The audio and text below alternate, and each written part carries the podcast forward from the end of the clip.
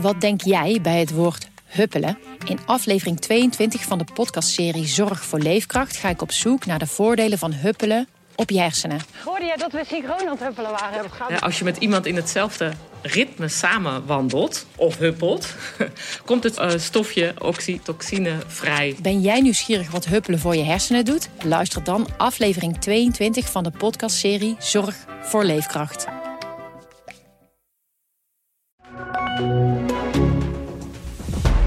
Dit is de AD Nieuws Update met Manuel Venderbos. Volgende week zondag op 26 september mogen de Duitsers naar de stembus. Bob van Nuet is onze buitenlandverslaggever. Um, waarom is dit relevant voor ons, voor Nederland? Nou ja, als ik, als ik het een beetje wil overdrijven, bestaan wij niet zonder Duitsland. Hè? Oh, is dat zo? Ja, dat kun je wel zeggen, ja. Want onze handel gaat daar grotendeels naartoe. We zijn de vierde partner van Duitsland voor hun spullen uh, te ontvangen. Uh, Duitse politiek uh, zal door ons ook, denk ik, worden gevolgd. Als de Duitsers heel erg op de goede toer gaan, gaan wij volgen. En dat is ook goed nieuws, want wij hebben veel meer kennis en expertise op dat gebied dan Duitsers in huis. Dus heel belangrijk voor ons, ja. En uh, over de Groenen gesproken, die zijn een van de drie grote partijen, toch? Ja, ja, ja, die leken, laten we zeggen, een halfjaartje geleden een spectaculaire winst te gaan halen. Maar dat is dan een beetje ingezakt. En nu uh, ziet het er naar uit dat ze ja, de belangrijkste coalitiepartij zullen worden van, ik denk, de SPD, dus de Sociaaldemocraten. Ja, ja want uh, dat, daar gaat een vrouw aan de kop bij de, bij de Groenen. Ja. Anna ja, ik weet, jij vindt dat een mooie. Annalena. Anna, Annalena, ja, inderdaad. En dan heb je nog twee saaie mannen. Waarom zijn het altijd saaie mannen bij die Duitsers? Een vrouw en twee saaie mannen, ja. Ja, dat klopt, ja. Uh, saaie mannen...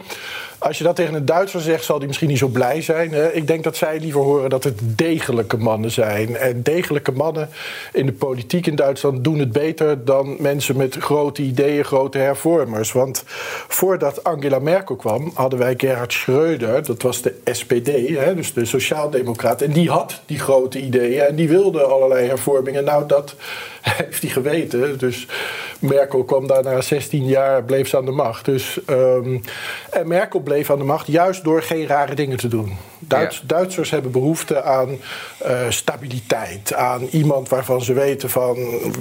die gooit de boel niet overhoop komende jaren rustig. Dat, en die twee kandidaten, die twee saaie mannen, zoals jij ze noemt, die, ja, die stralen dat ook uit. Dus dat is een succesformule in ja, uh, een van die twee is Olaf Schulz uh, van de SPD. Uh, die gaat nu aan de leiding. Ja. is het voor hem nu kat in bakkie nadat het laatste debat is geweest? Ja, Scholz. Sorry. Is het? Die Schulz zat in een ja, tv-serie. Mijn, dat wel leuk.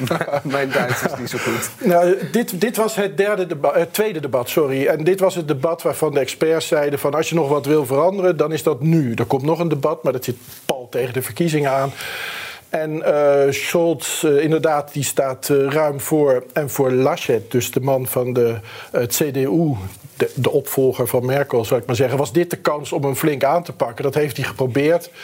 Maar ja, het kwam, het kwam niet uit verf. Het was, het was best wel een lange zit, moet ik je zeggen. Het was anderhalf uur was een, uh, een hele slechte wedstrijd van, van Bayern München is opwindender, denk ik, dan, dan dit. Echt waar. Het was, het was uitzitten, ja. Oké. Okay.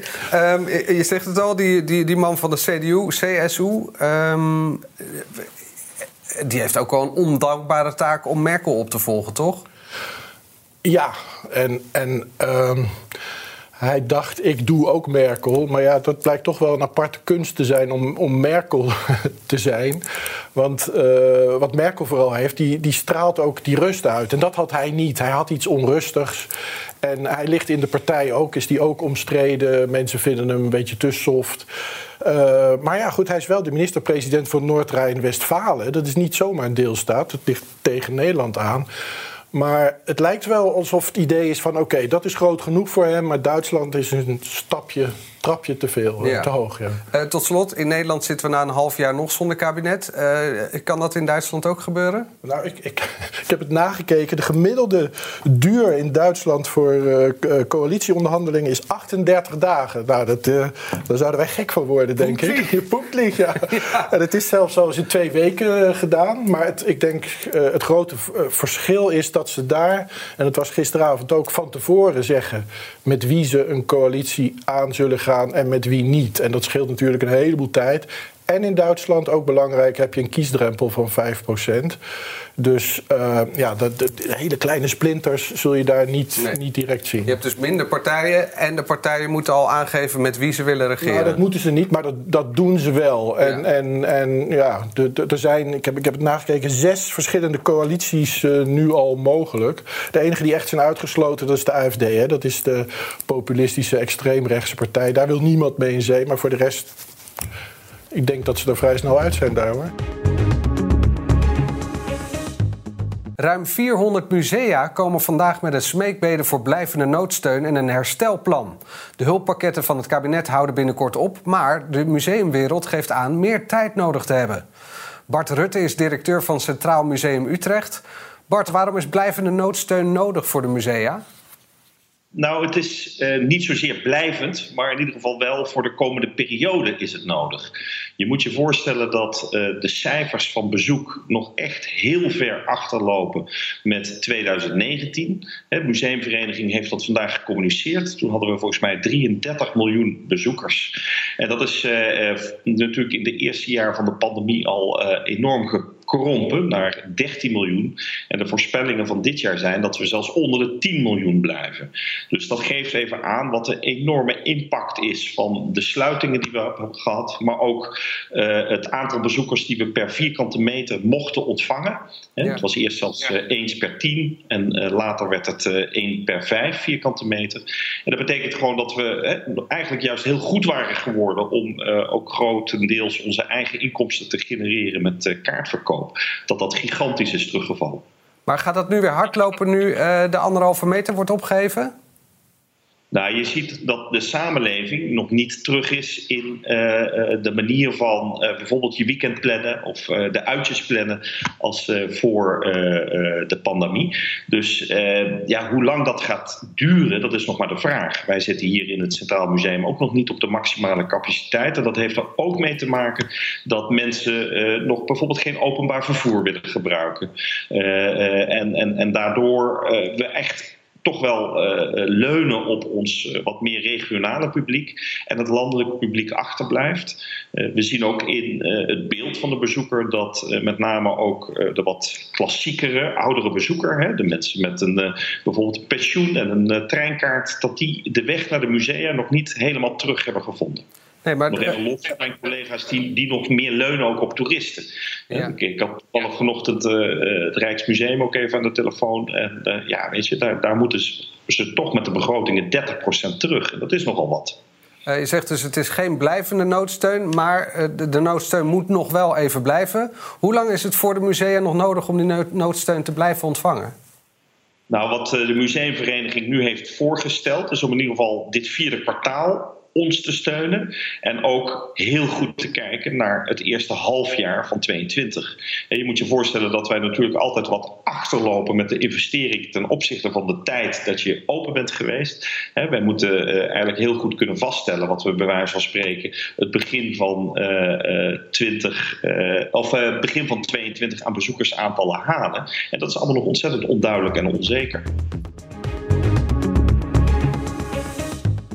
De eerste hoorzitting in de civiele zaak tegen de Britse prins Andrew gaat vandaag van start. De zoon van koningin Elizabeth wordt ervan beschuldigd 20 jaar geleden de toen minderjarige Virginia te hebben misbruikt. What do you make What of Prince Andrew's denial? the documents? Comment on that? You said you won't be silenced.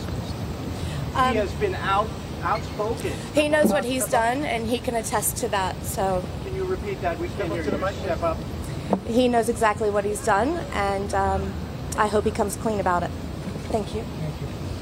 Geert Langendorf is onze correspondent in het Verenigd Koninkrijk. Een eerste hoorzitting dus. Eh, waarom is dit proces nu pas? In 2001 deed ze voor het eerst haar verhaal.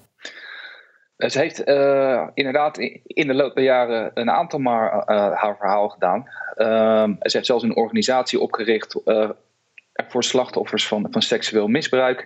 Ze heeft alles in het werk gezet om Jeffrey Epstein en zijn handlangers voor het gerecht te slepen. Maar nu, Jeffrey Epstein overleden is, die heeft, is in 2019 heeft hij zichzelf opgehangen in zijn eigen cel in, in New York. Er begint de tijd te dringen voor haar om vrienden van hem voor het gerecht te slepen. Namelijk in, in 2019 ondertekende de toenmalige gouverneur van, van New York, Andrew Cuomo, een, een wet waarin staat dat slachtoffers van seksueel misbruik, die daarmee naar voren zijn gekomen, twaalf maanden de tijd krijgen om daadwerkelijk ook een, een zaak in te dienen bij het gerecht. Dat is uiteindelijk verlengd eh, tot 14 augustus dit jaar, waardoor Virginia Giuffre uh, haast moest maken en het dus nu, uh, en nu zeg maar, haar voet op het gaspedaal heeft gedrukt. Ja, dat is dus nu aan de hand. Maar hoe is deze vrouw überhaupt in aanraking gekomen met Prins Andrew? Uh, nou, Jeffrey Epstein, die miljardair, die woonde rond die tijd in verschillende huizen in, in de Verenigde Staten. Maar zijn hoofdvestiging lag in de buurt van, van Florida. Niet zo heel ver van het, eh, van de beroemde golfbaan van, Donald Trump. En daar uh, gebruikte hij zijn toenmalige vriendin, uh, Maxwell, voor om jonge meisjes voor hem op te pikken onder valse voorwenselen. Ze zouden naar, zijn, naar zijn mansion moeten komen voor massages, maar al heel snel eenmaal binnen bleek dat ze voor meer waren ingehuurd. En vervolgens veranderden ze eigenlijk in, in persoonlijke attributen.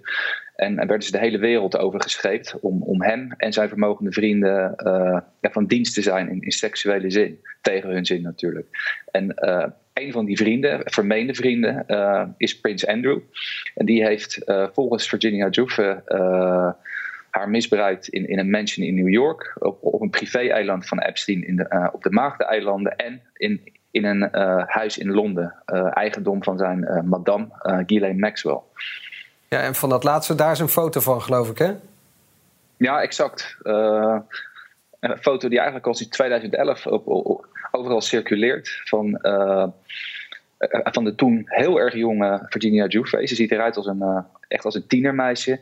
met naast haar Prins Enzo die haar hand op zijn heup heeft. En op de achtergrond de vermeende madame Ghislaine Maxwell. Die overigens nu ook in een cel in, uh, in de Verenigde Staten zit in afwachting van haar proces. Ja, nou die foto die zien we nu. Uh, iedereen wil dat Prins Andrew met zijn billen bloot gaat. Er worden zelfs bizarre bedragen geboden. Hoe zit dat?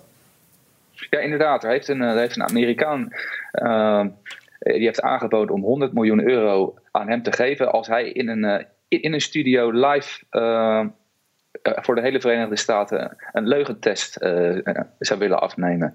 Dat, is, dat is ook een klein beetje met een knipoog, want hij zou niet kunnen zweten. En, en, en, niet, en zweten is, is van belang bij, bij een leugendetector.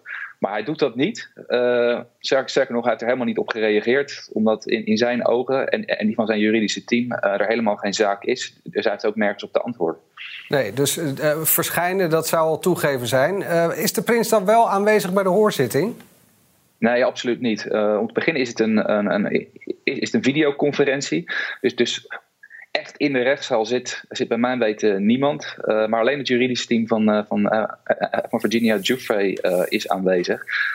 Prins Andrew die zit verschanst in het paleis van zijn moeder in Schotland, Balmoral. En laat niks van zich horen. En zijn juridische team die betwist ook überhaupt dat er, dat er een zaak is. En dat de zogenaamde lawsuit, de dagvaarding niet op de juiste manier uh, aan hem zijn overgebracht. Dus, dus, die hopen erop dat de rechter van, uh, vandaag gaat zeggen dat er helemaal geen zaak is en dat, en dat, dat procedures zijn geschonden en dat de zaak wordt vernietigd.